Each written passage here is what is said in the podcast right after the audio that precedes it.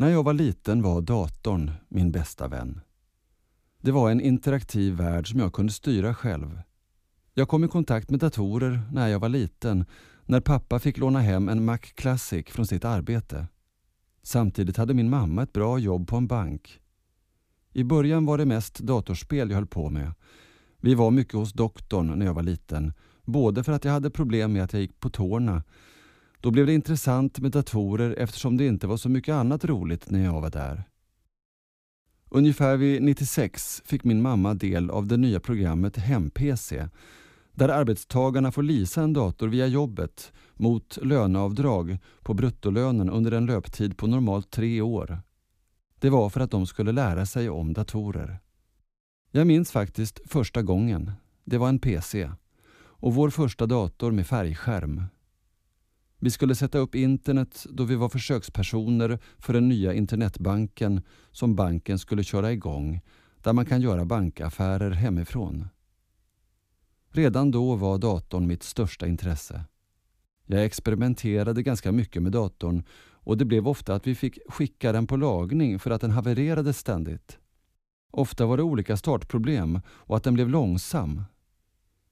Så här i efterhand kan jag nu se att dessa problem med hem-PC var ganska vanligt då jag läst i flera DN-artiklar om att trassel med hem-PC-paket inte är något helt ovanligt, enligt Dagens Nyheter 1999. Föregångaren till mitt dataintresse var att jag var fixerad vid knappar av olika slag och innan dessa dörrar. Ett typiskt autistiskt syndrom. Först var det leksaker med dörrar jag var fascinerad av. Sedan var det att trycka på knappar som övergick till datorer och rent dataintresse. Det var det grafiska gränssnittet jag var fascinerad av. Vi hade fått en dator med det då nysläppta Windows 95 med ett användargränssnitt som på den tiden var mycket läckert. Jag gillade att pilla på inställningar och trycka på knappar. Ofta är det en viss komponent jag har haft specialintresse för och det har varit så ända fram tills idag. Jag ritade egna dialogrutor i ritprogrammet Paint då vi inte hade så mycket pengar att köpa dataspel för. Jag kunde sitta i timmar efter dagis och på helger och rita knappar, symboler med mera. Efter ett tag upptäckte jag programmet Excel och att jag kunde göra tryckknappar i det. Det var roligt eftersom jag kunde göra interaktivitet i det. En dag fick jag mitt första dataspel med Alfons Åberg. Ett peka och klicka-spel där man fick i uppdrag att gå och handla åt hans pappa. Man fick en inköpslista, en summa pengar och så skulle man dra ner rätt varor och gå till kassan och sedan lägga upp mynten på bordet. Jag tröttnade ett tag på spelet och det var tre disketter för att installera spelet. Sedan fortsatte jag att rita i MS Paint. Ett annat spel jag hade bestod av ett träd där olika karaktärer hade olika hus i trädet med olika ämnen såsom natur, rymden i toppen och underjorden. Jag spelade mycket på de spelen men ofta repades skivorna sönder av att jag var dålig på att hantera dem rätt. Men det stora intresset låg alltså i Windows. Fascination för olika typer av de så kallade verktygsfälten. Min pappa har en kompis som jobbar med IT och han lärde mig mycket när jag var liten och var till och med min datalärare under delar av gymnasietiden. Han kom ofta hem och hjälpte oss efter att jag ställt till med något. Min mamma kunde ofta inte använda datorn så mycket eftersom jag ofta pillade runt och ändrade och ibland fick skickas på service. Hon svor ofta åt alla dessa blåskärmar som var vanliga i Windows 95. Det hände att man var ute på ärenden och jag kom i kontakt med datorer på stan och fascinerades av de olika konfigurationerna. Jag var faktiskt fascinerad av utseendet på det grafiska gränssnittet för föregångarna av Windows 95, Windows 3.11, med de väldigt stora tjocka knapparna som jag förknippade med blöjor och rektorn på dagiset och på sjukhuset använde.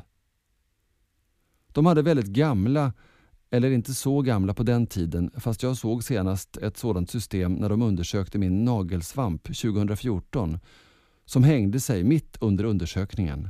Datorsystem baserade på Windows 3.11-tekniken med dessa stora knappar och jag tyckte det var fascinerande då jag förknippade detta med doktorn och läkande när jag var liten.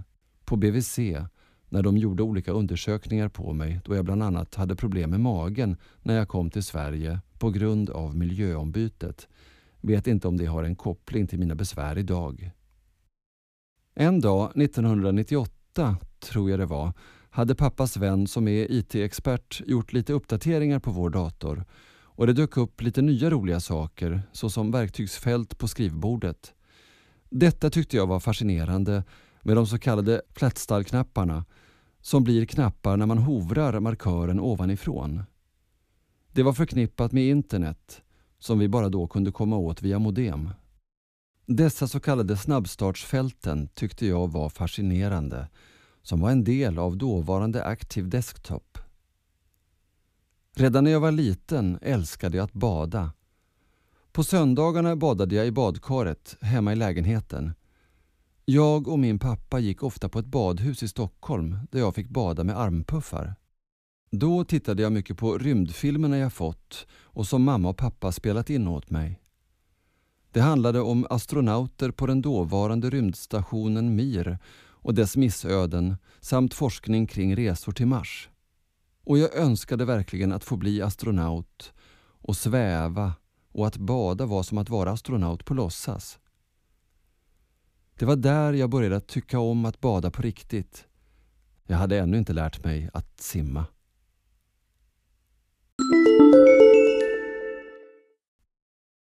När jag var fem år så upptäckte jag Nintendo-spelen då min äldre släkting hade fått ett sådant i födelsedagspresent. Jag var helt fast i dessa spel och gillade Super Mario, framförallt det tredje spelet då karaktären kunde flyga. Någon gång under hösten 1997 lånade vi hem släktingens tv-spel medan släktingen fick låna vår videobandspelare eftersom släktingens stora syster hade kommit med på tv-programmet Skoj i Hanoi och de ville då spela in hennes medverkan.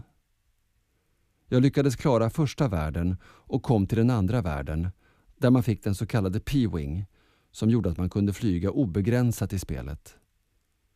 Jag kommer ihåg att jag testade den på första banan och tyckte det var fantastiskt. Jag lyckades klara hela världen men inte skeppet. För jag hade inte lyckats komma på hur man fick Mario att flyga. Och på fritidshemmet där jag gick så var en av pedagogerna expert i spelet och lärde mig att man måste springa innan man kunde flyga.